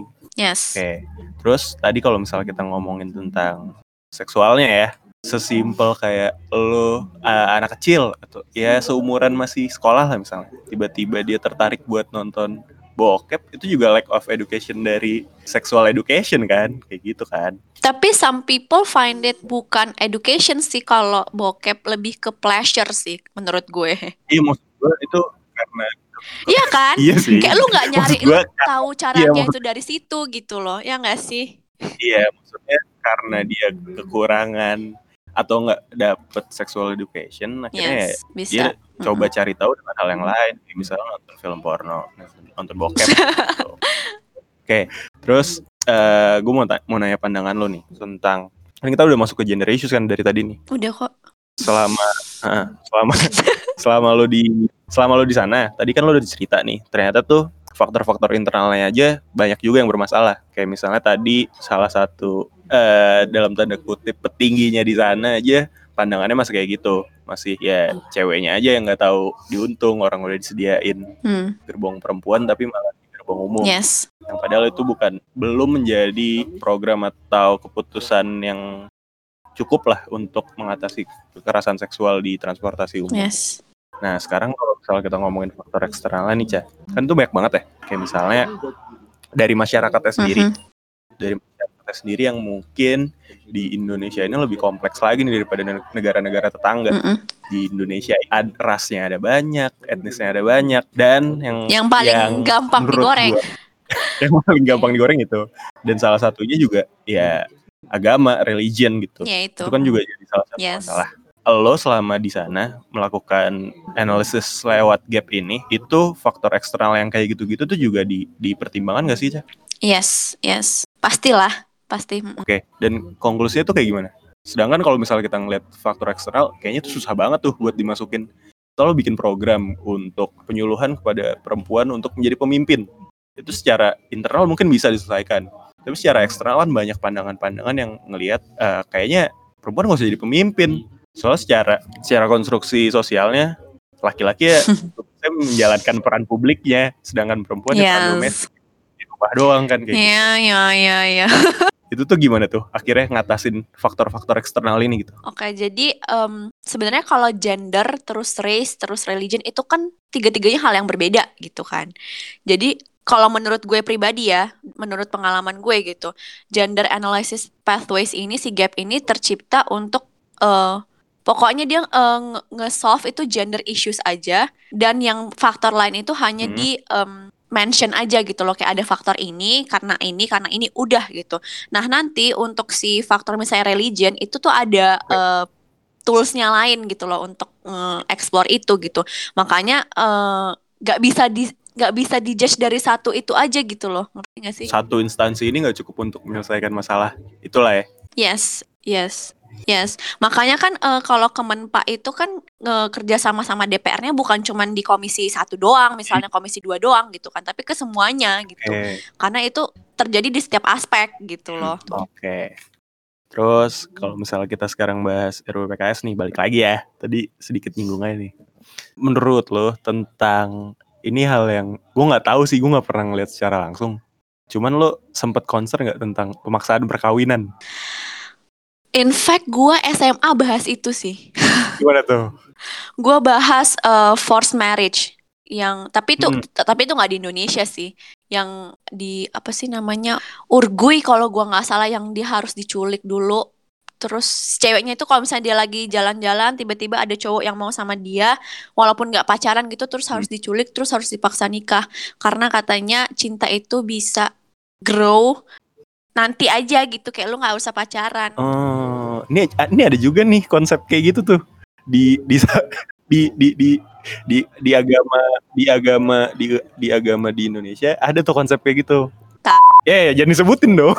oh oke nanti di di error di error di pip gitu aja ya ya itu kan juga sebenarnya konsep yang gua nggak tahu ya.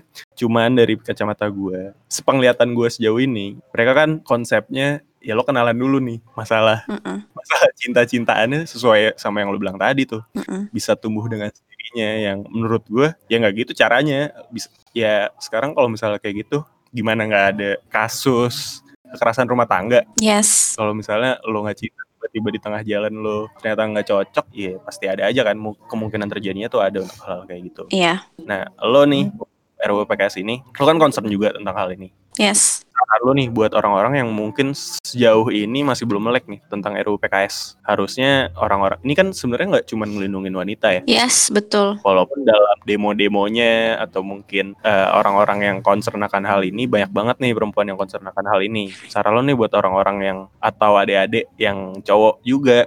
Saran lo apa? Kenapa mereka harus concern akan hal ini gitu? Em, oke jadi gue itu ini ini gue ceritanya agak panjang ya Oke. gue itu kan first of all gue nggak suka eh, dilabelin sama identitas tertentu gitu Mm. Misalnya yang kayak tadi di awal banget introduction gue nggak suka dibilang gue seorang feminis Mm. karena nggak setiap eh, prinsipal yang feminis punya gue setuju ya kan sama halnya kayak yang tadi lu bilang eh, ada beberapa kepercayaan yang apa hubungan cinta bisa bisa grow after marriage gitu kan Nah, ketika gue adalah bagian dari agama tersebut, Hmm. ketika gue mendeklar gue sebagai seorang eh, penganut agama tersebut, nggak secara langsung gue kayak men- men- menyetujui semua apa yang disetujui, men tidak setujui apa yang tidak disetujui sama mereka gitu iya, kan. betul. Padahal kan gue, gue tuh as a human being, I have I have my own opinions gitu loh. Bisa aja gue, oke setuju gue dengan, em, misalnya kalau di feminis gue setuju perempuan harus lebih di empowered, tapi gue nggak setuju perempuan harus nge-replace laki-laki Betul. gitu. Oke. Iya dong, iya kan gitu. Itu first of all. Terus gue lupa poin gue apa. nah oke, nah makanya tadi gue bilang kenapa gender issue enthusiast karena gue lebih ke equality, fairness, sama kayak everyone itu punya has has their own opinions and they and other people should respect them for it gitu loh Oke. ya kan? Hmm. Nah, ketika lu dipaksain itu kan berarti kan nge-against your human rights dong, karena lu punya opini gitu kan. Dan lu dipaksa, misalnya kayak aborsi deh, lu nggak pengen aborsi tapi lu dipaksa buat aborsi. Itu kan udah ngelanggar human rights gitu kan. Iya, betul. Lu sebagai sebagai human being aja lu sadar nggak sih itu salah pemaksaannya loh. The word pemaksaan gitu. Terlepas dari gender ya aborsi sih gender ya, Iya. perempuan kan gitu. Pemaksaan perkawinan deh yang nggak punya gender ya bisa aja cowok dipaksa gitu kan. The word pemaksaan aja gitu loh. Coba deh di di iniin lagi lu mau nggak sih lu dipaksa ngelakuin sesuatu yang nggak lu suka Iya betul.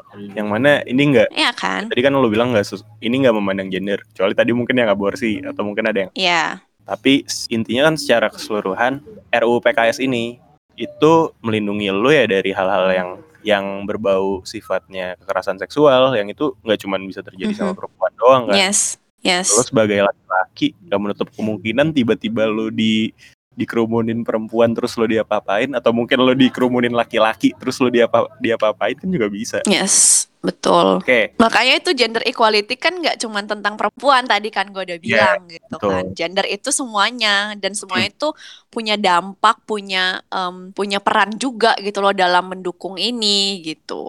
Oke. Kayak tadi misalnya kita udah ngejelasin kan tentang RUPKS, Yes. tapi gimana cara kita nge-break social construct yang ada di Indonesia nih? Yang sekarang ini kalau misalnya kita ngeliat di keluarga, tadi yang gue bilang laki-laki sebagai peran publik, perempuan cuman peran domestik. Terus secara masyarakat nih, kayak misalnya eh, perempuan ini dianggap aneh nih kalau misalnya ngelakuin pekerjaan-pekerjaan yang nggak secara umum dipandang sebagai peran domestik. Kayaknya kayak misalnya lo nih, lo sebagai pekerja sekarang, lo bisa kerja di perusahaan media agency, lo bisa menjadi marketing lead di di brand lo itu, itu kan mungkin banyak orang yang memandang ngapain sih perempuan kerja kayak gini-gini. Gimana cara kita untuk nge-break social construct ini nih, Ca? Menurut lo? Oke, eh, gimana caranya? First of all itu ini based on my personal experience ya. Iya. Eh, gue anjir, ini ngomong.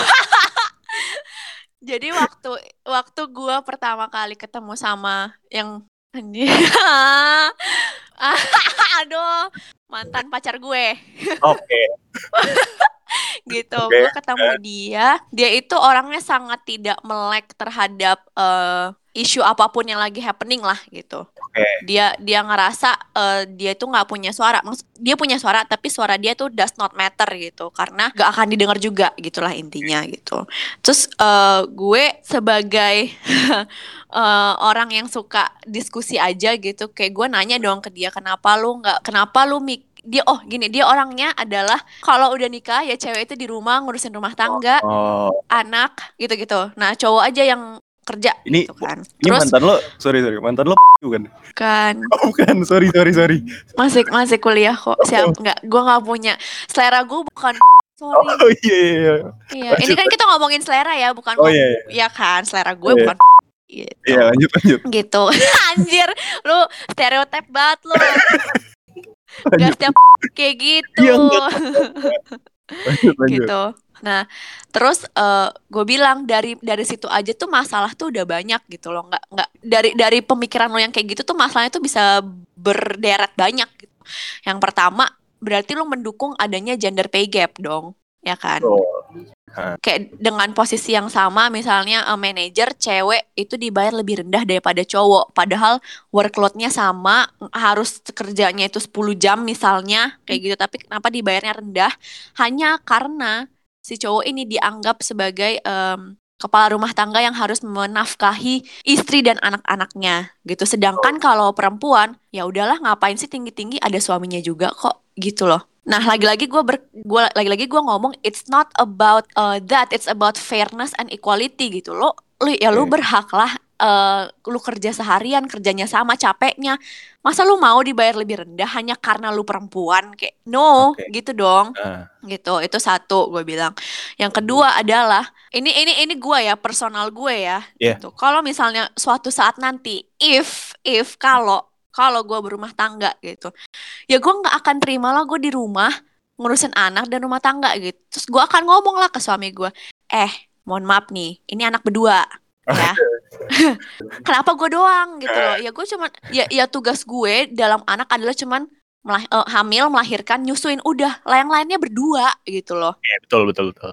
Iya kan, kayak it's, Iya, it's just not it's not fair gitu loh. Itu. Terus rumah tangga juga ya enak aja anjir. Lu yang makan gue yang nyuci piringnya, lu cuci piring sendiri lah. Kan lu punya tangan. Nggak tahu nyuci piring lihat tuh di YouTube banyak. Buat mantannya semoga denger ya ini ya. Oh enggak, dia udah tahu. Dia udah dia udah udah udah udah paham. Oh udah paham. Oke oke lanjut. udah lanjut. paham gitu. Nah terus eh terus dia bilang eh eh, terus gue bilang lagi kan sama dia karena menurut gue nggak cuman lu gitu loh yang punya mimpi, gue juga punya mimpi gitu. Oke. Dan dan ya gue nggak tahu yang lain ya. Mungkin ada ada perempuan yang ingin emang bercita-cita jadi ibu rumah tangga, and that's okay too gitu loh. I respect uh, their decision gitu. If they think they are good at it dan mereka uh, mau seperti itu. Tapi kalau gue gue nggak mau. Gue punya mimpi, gue pengen kayak begini begini. Ya udah gue strive for it gitu loh. Oke. siapa pun yang menghalangi jalan gue ya bye gitu Betul. kan gitu dah It- di di poin itulah mantan gue ini sadar gitu kayak oh iya ya perempuan itu sama kayak gue cuman bedanya dia punya alat reproduksinya seperti itu gue punya yang lain gitu kan Secara pada dasarnya kan dia juga ya, betul. secara biologis alat reproduksi gue tidak ber- berusaha Iya, tidak iya. berkata kasar gitu kan tapi yang lainnya pada dasar dia punya mimpi juga gitu loh punya orang tua yang harus dia banggakan dia harus dia punya eh, cita-cita sendiri dia pengennya seperti apa gitu nggak nggak solely tentang gue pengennya kayak gini pengen kayak gini gitu Oke. Berarti kan dalam hal ini perempuan di era sekarang ya it's okay kalau misalnya lo punya mimpi yang tinggi gitu. it's okay Gak melulu kalau misalnya wanita itu kerjanya ya di rumah sebagai peran domestik di rumah kayak gitu. yes yes Oke, lanjut nih ya. Boleh bermimpi, boleh bermimpi setinggi-tingginya, nggak cuman jadi hal yang gitu-gitu doang, sesuai yang kita tahu. Iya. Kalau konstruk. Yes. Eh, lo selama ini punya ya Mbak Mutia Hafid dan yang lain-lainnya, otomatis lo punya cita-cita yang tinggi nih. Nah, terus sekarang lo kerja di media agency, lo punya brand, lo punya brand gitu, brand produk. Eh, gimana sih caranya supaya lo bisa menjadi wanita zaman atau mungkin kayak orang tua kita lah ya nggak nggak gue nggak generalisir semua orang tua ya. Iya ya cuman era kan itu kan banyak banget yang perspektifnya yang menjadi wanita ya gitu. Cuman di rumah dan lain-lain. Atau mungkin ada hal-hal yang udah lo lakukan sekarang untuk meraih cita-cita lo yang setinggi tingginya gitu. Itu gimana cara menjadi wanita di era sekarang Kalau gue, gue tuh suka bermimpi. eh pokoknya gue pengen cita-cita gue adalah cita-cita yang bikin gue takut sekarang yang deg-degan gitu. Oke. Ngerti gak sih lo? Kalau belum bikin lo deg-degan, itu belum cita-cita menurut gue. oke Kalau misalnya lo pengen liburan ke NTT gitu, itu bukan cita-cita, itu lo pengen ke sana, lo harus ngumpulin duit, udah ada pergi gitu kan.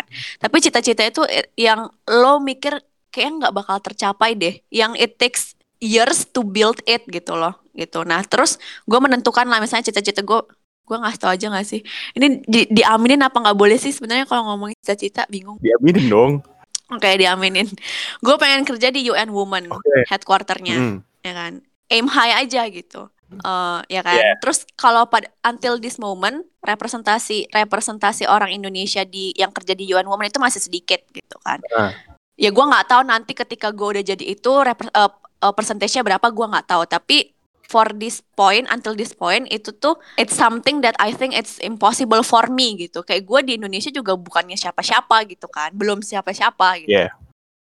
Nah, kemudian gue breakdown lah ke eh, hal-hal kecil gitu yang bisa mendukung gue menjadi itu. Pertamanya gue lihat dulu eh, requirements-nya untuk menjadi aduh, kesebut dong nanti jabatannya. lo nggak apa-apa jabatan apa nih Jabatan UN Woman yang gue pengen gitu. Nggak Ya apa-apa. pokoknya bilang aja jabatannya A gitu. Nah, si A untuk menjadi si A ini gue harus kayak gimana sih? Gue harus requirement apa sih yang harus gue em, punya gitu kan? Kayak dia bilang at least seven years of experience di bidang tersebut gitu kan. Oke, Oke. gue akan nge-build experience gue di bidang tersebut gitu kan. Nah caranya gimana?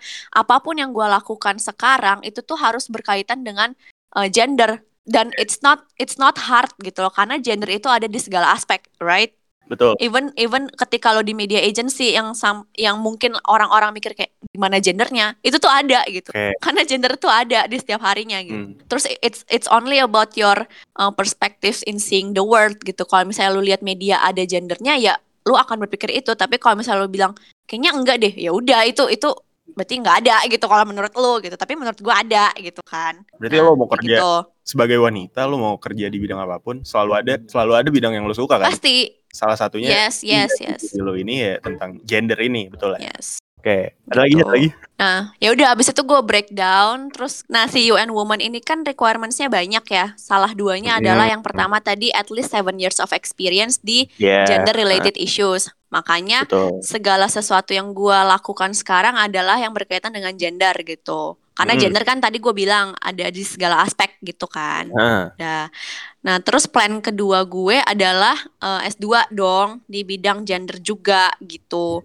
Yang Oke. sekarang currently gue lagi eh, perjuangkan cie gitu.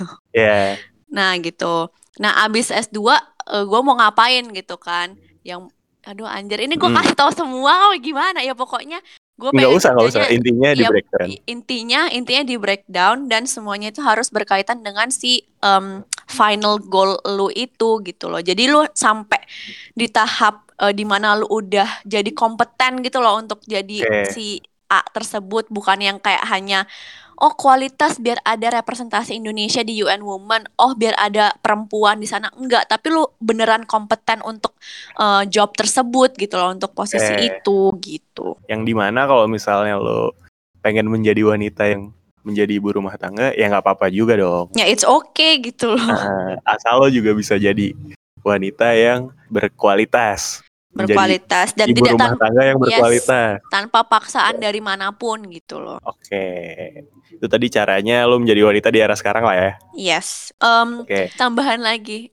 Dan apa tuh? eh, nggak ngelihat wanita lain sebagai competition sih itu sih gitu. Soalnya itu yang terjadi sekarang? Menurut gue masih terjadi sih di kalangan eh, teman-teman gue ya terutama karena itu yang paling deket gue gitu. Dan dari dari brand lo pun brand yang lo kerjain? Yes. Yes di salah satu media agency pun praktik marketingnya pun Yes. masih kayak gitu kan ngelihatnya ya karena kan itu yang terjadi gitu kan dan ter- apparently Ya, nggak cuma di di circle gue doang tapi se Hmm, risetnya sih bilangnya si Indonesia seperti itu gitu Oke. Oke, tadi kan udah tuh kita bahas tentang gender issues-nya. Nah, ada nggak sih biar kita bisa ngasih gambaran nih yang masih dalam spek spektrum gender tuh banyak gak cuman tadi masalah gerbong doang, nggak masalah, nggak masalah hal yang udah kita bahas. Tadi kan kita lebih ke gender politisnya. Tapi padahal banyak nih hal yang berbau dengan gender. Salah satunya mungkin banyak orang yang free bias ngelihat feminis. Kalau misalnya orang-orang itu banyak biasa ngeliat feminis sebagai kayaknya orang-orang yang feminis nih apa-apa perempuan, apa-apa perempuan. Eh, gerbong buat perempuan, lalu buat perempuan. Padahal terlalu kayak terlalu ini banget, terlalu ngoyo, apa ya bahasanya? ngoyo. Terlalu try hard banget gitu apa-apa buat perempuan. Padahal sebenarnya feminis itu yang benernya kayak gimana sih, Cah? Oke. Jadi mungkin orang eh merelas ngas bikin relasi antara feminis dan itu adalah pergerakan perempuan mungkin karena dari katanya sendiri feminis terus feminim gitu kan. Feminim itu kan ya eh, Iya. identik dengan perempuan. Gua nggak bilang perempuan ya, ada aja laki-laki yang feminim gitu kan. Ada perempuan yang maskulin gitu kan. Nah, Iya, betul. se- eh, mereka itu Mm-mm. menurut gue ya kurang nyari tahu aja sih tentang feminis itu apa, terus apa yang diperjuangkan sama feminis-feminis ini gitu. Hmm. Ini kan sebenarnya root problemnya kan udah udah happen a long time ago gitu kan dari western thoughts gitu kan Iya, betul. di mana zaman-zaman dulu Amerika itu perempuan belum bisa ngevote se, se- awalnya kan dari situ gitu kan. Iya. Nah itu kenapa perempuan karena emang perempuan yang eh, nerima dampak negatifnya gitu kan. Hmm. Tapi as the time goes by, feminis ini kan concernnya makin nambah gitu kan. Bahkan sesimpel kayak laki-laki nggak boleh nangis aja itu masuk ke eh, isunya si feminis gitu kan. Kenapa Oke. laki-laki nggak boleh punya perasaan? Nah Mm-mm. itulah em, semakin ke sini kan semakin orang kritis dan semakin melihatnya dari eh, kacamata 360 derajat gitu. Iya, kan. betul. Kalau misalnya itu tuh it, it doesn't happen to women only tapi men juga bisa. Hmm. Cuman, eh gue nggak tahu sih ini pendapat gue ya yang dari gue baca adalah cowok itu nggak suka dianggap lemah Hmm. gitu kan. Jadi dia nggak nggak pengen kayak oh ini tuh masalah ya buat gue. Dia tuh nggak pengen kayak gitu. Enggak kok, gue nggak masalah dengan apa pun yang terjadi di dunia ini gitu. Bahkan kayak eh, sexual harassment aja.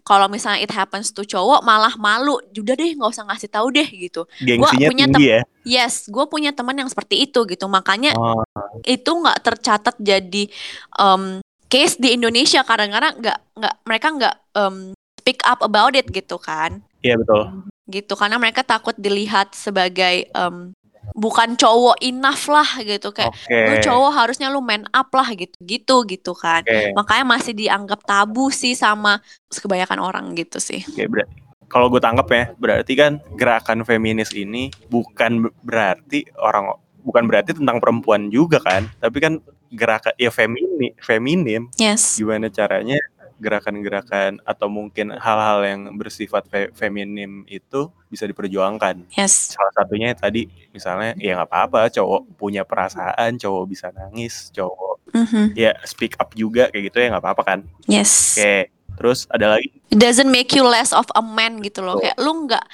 bukan cowok eh bukan lu bukan yang nggak cowok kalau lu nangis gitu lu tetap Yeah. cowok you're just being human being lu nangis lu punya emosi gitu Ah, kan Oke. Terus gue juga sem gue sempat eh, di Netflix tuh ada tuh nama series namanya Explain. Di situ dia sempat ngejelasin tentang gender pay gap antara perempuan sama laki-laki dan akhirnya Hmm. cetuskan gerakan feminis di negaranya tuh kalau nggak salah di Eropa Eropa Utara gitulah negara yang dingin-dingin gitu. Scandinavian ya Ya. Terus sampai akhirnya eh, perempuan ini bikin gerakan dan akhirnya antara perempuan dan laki-laki tuh bisa cara equality tuh tercapai. yes Kayak misalnya cowok tuh akhirnya dapat jatah untuk ngomong anak juga, nggak cuman perempuan yang bisa dapat jatah cuti anak lahiran, tapi cowok juga dapat kayak gitu-gitu. Nah, lu bisa nggak nih kasih yes kasih gambaran juga Yes. tentang gender issues yang ada nih. Kalau misalnya tadi kita ngomongin policies, ada lagi nggak hal-hal yang lain? Kayak misalnya tadi yang gue sebutin tentang gender pay gap, atau mungkin secara angka harapan hidup antara laki-laki dan perempuan atau yang lainnya. Lo ada spektrum-spektrum yang tadi. gue gue menanggapi yang Scandinavian countries dulu ya gitu Oke, kan emang Scandinavian countries itu yang paling um, number one in the world in making Mm. progress about gender equality gitu kan. Mm. Nah, menurut gue itu tuh um, setiap kebijakan itu kan bisa dilihat dari tiga layer gitu ya. Yang pertama tuh international level, yang kedua Mm. tuh national, yang ketiga itu individualnya gitu. Hah. Nah, ini ini bisa direflect ke setiap negara sih issuesnya. Maksud gue adalah Oke. kalau di Scandinavian countries orang dari individual levelnya berarti orang-orangnya sudah siap menerima perubahan itu sebuah perubahan ya menurut gue dari history kayak eh, perempuan tidak boleh nge-vote sampai sekarang perempuan eh, di parlemennya itu sama 50-50 kuotanya kayak gitu It- it's it's it's it's making progress gitu kan Yeah. dan itu orang-orangnya pe- menerima gitu loh. Laki-lakinya menerima kalau perempuan juga capable dan eh, perempuannya juga mau ikutan untuk eh, ya udah kita sama-sama make eh, make changes eh, buat dunia gitu kan. Itu kesiapan kesiapan diri kita sendiri. Nah yang kedua itu kan national level. Gimana caranya si pemerintah ini bukan bukan hanya bikin bikin kebijakan tapi juga mendorong orang-orang supaya eh, berpartisipasi dan berrepresen dan eh, punya representasi di di politik gitu kan iya betul. Nah, yang ketiga itu baru international level, level kayak organization gitu kayak UN Women gitu. Mereka bikin Ah. kebijakan yang yang berlaku buat setiap eh, negara membersnya gitu. Nah, Mm. Reflected lagi lah ke situ ke Indonesia gitu. Kita harus mempertanyakan juga di individual level itu apakah orang-orang zaman sekarang di Indonesia sudah mau willing and able to accept this concept di em, di hidup mereka gitu loh. Ah, Sedangkan ya yang tadi lagi balik lagi lo tahu kita masalah rasis dan agama aja masih sering digoreng gitu loh kayak I think we are still far from achieving that gitu sih Oke, untuk di Indonesia ya. gitu. Ya. Tapi ada nggak contoh-contoh yang seharusnya jadi concern orang-orang nih terhadap gender issues ini? Yang lo bener-bener khawatirin lah. Tadi kan gen- gender pay gap udah nih. Ada lagi nggak hal-hal yang lo concern juga tuh dari spektrum? Oh ini sih unemployment sih. Sampai sekarang tuh gue masih lihat ada aja kayak pasti lu juga pernah lihat kayak dicari Hah? apa namanya eh sales manager gitu perempuan berpenampilan Menarik, menarik, belum oke. menikah bla bla bla gitu kan ya kan Itu bagian dari social construct juga kan ya? Gimana gimana tuh? iya iya gitu Menurut lo gimana? Eh, kalau gue sih lebih ke lebih concern ke yang belum menikahnya gitu kan karena mungkin si perusahaannya ini punya alasan kenapa gue lebih lebih milih hire orang yang belum nikah karena dia akan lebih punya banyak waktu untuk kerja di gue gitu dia nggak akan kayak cuti ya anak gue sakit misalnya Mhm. gitu cuti ya eh, suami gue sakit Mhm. kayak gitu ya kan jadi tuh mereka kayak eh, fokus di gimana caranya si perempuan ini lebih nggak akan ngebagi concern dia ke private private em, sphere dia gitu loh Oke. jadi tetap concern di ya iya nggak sih Iya gitu betul, kan betul betul. Nah, ketika ketika perempuan sudah menikah itu tuh eh, constructionnya adalah ya udah dia akan lebih spare more time di private spheres dia gitu loh. Sedangkan it is it, it's not it's not happening ke ke ke laki-laki gitu. Ke laki-laki nggak disuruh bilang laki-laki belum menikah gitu kan. Iya betul. Hmm, gitu. Karena laki-laki ya udahlah yang private itu kan private domestik kan urusannya perempuannya gitu kan. Berarti hal-hal Itu hal, sih, mm-mm. hal ini juga termasuk yang harus di empower ya secara Yes. itu masuknya mungkin ke, ke kebijakan juga kan. Yes, yes betul. Oke, dari segi pendidikan cah, yang lo harapin akan gender ini, kepedulian terhadap masalah gender ini, lo mengharapkan apa nih dari ya gue nggak bisa bilang pemerintah doang tapi ke seluruh elemen lah baik itu masyarakatnya juga lo mengharapkan apa nih Uh, kalau access to education itu gue lihat ada scholarship yang ngasih ke perempuan timur, oke ya kan? Maksud gue adalah kalau di Indonesia itu kan emang ras itu masih jadi isu ya gitu ya, apalagi untuk orang em, timur gitu kan yang yang Oke. paling ngerasain gitu.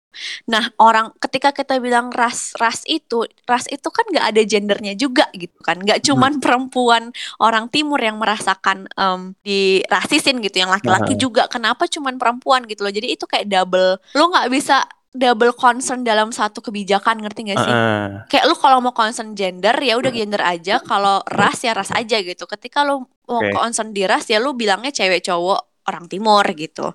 Jangan cuma Ah. ceweknya doang. berarti kalau kita ngelihatnya di Indonesia berarti masalah lebih kompleks lagi nggak cuma masalah gender doang Iya, exactly. Makanya kan kalau di Kemenpas sendiri kan bidangnya kan beda-beda. Yang tadi gua urusin adalah polhukam Ah. gitu kan. Makanya ketika lu nanya eh, s- penyebab eksternalnya itu bisa ras dan eh, religion, gue bilang bisa, tapi gua nggak fokus di situ kan, since gue internnya nggak di bagian itu gitu, Hahaha. gitu sih, lebih Oke. kompleks yes.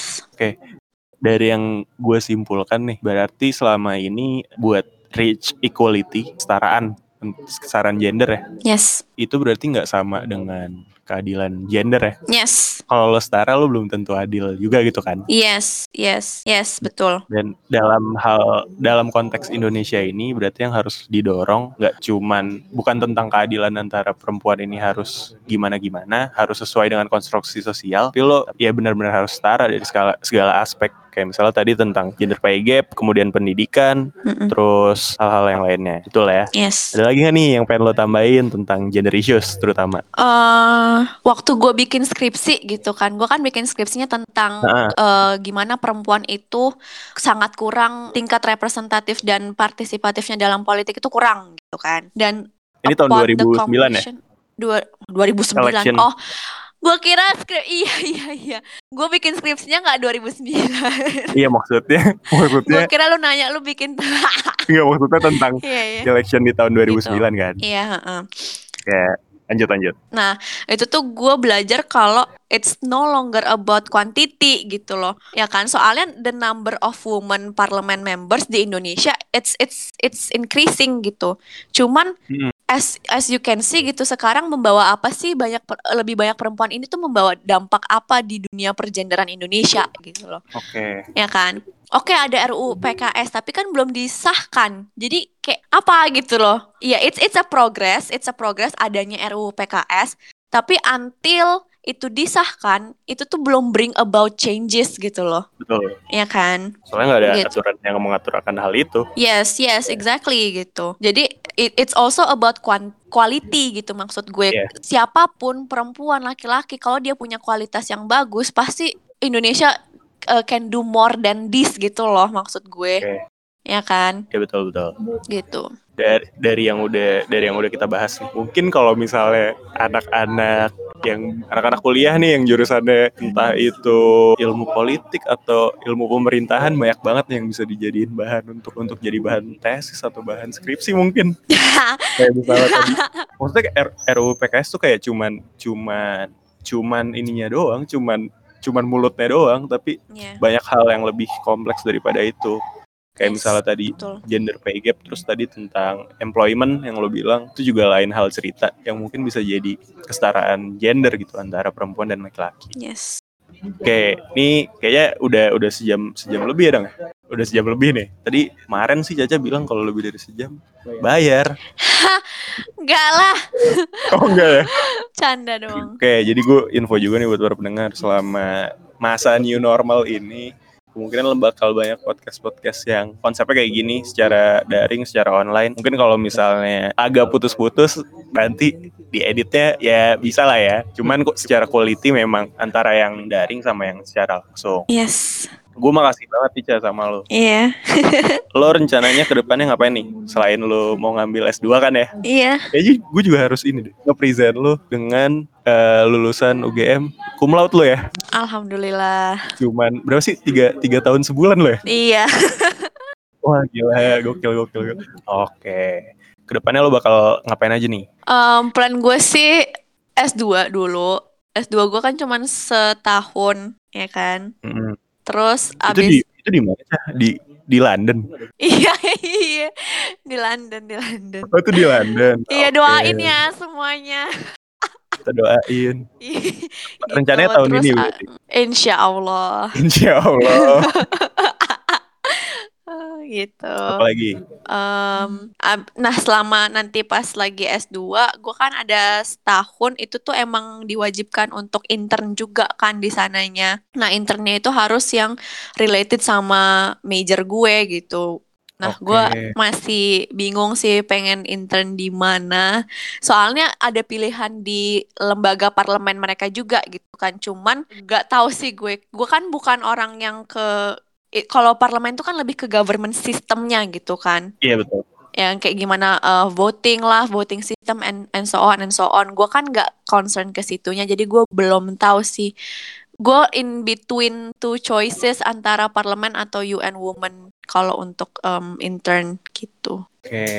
Kalau misalnya lo mau denger, mau tahu Caca di mana, bisa follow Instagram lo di apa Cah? Regina J apa ya? Yes. Oke, lo bisa follow di Instagramnya. Kalau misalnya mau nanya-nanya tentang gender issues, lo terbuka gak? Tanya tentang itu doang terbuka lah. Oke. Kalau nanya yang lain, eh Siapa tahu kan lo kerja di media agency juga, ada yang tertarik. oh iya, maksudnya selagi itu profesional nggak apa-apa. Kalau nanya Oke. personal life, hmm, Oke, oke sekali lagi thank you banget nih Ca. Lo udah mau ngobrol-ngobrol. gue juga thank you banget. udah mau ngobrol-ngobrol. sharing-sharing sama lu. Iya, udah mau ngobrol-ngobrol sama kita tentang gender issues ini. Ya harapannya sih dari episode ini, gue nggak tahu nih nanti judulnya apa. Cuman intinya tentang nggak cuman being a woman aja, tapi being being a being a human gitu untuk men- Yes, untuk mencari exactly. kesetaraan yang Betul. memang prosesnya cukup panjang, apalagi di Indonesia. Oke, thank you banget Caca, udah mau ngobrol-ngobrol. Sama-sama Icat.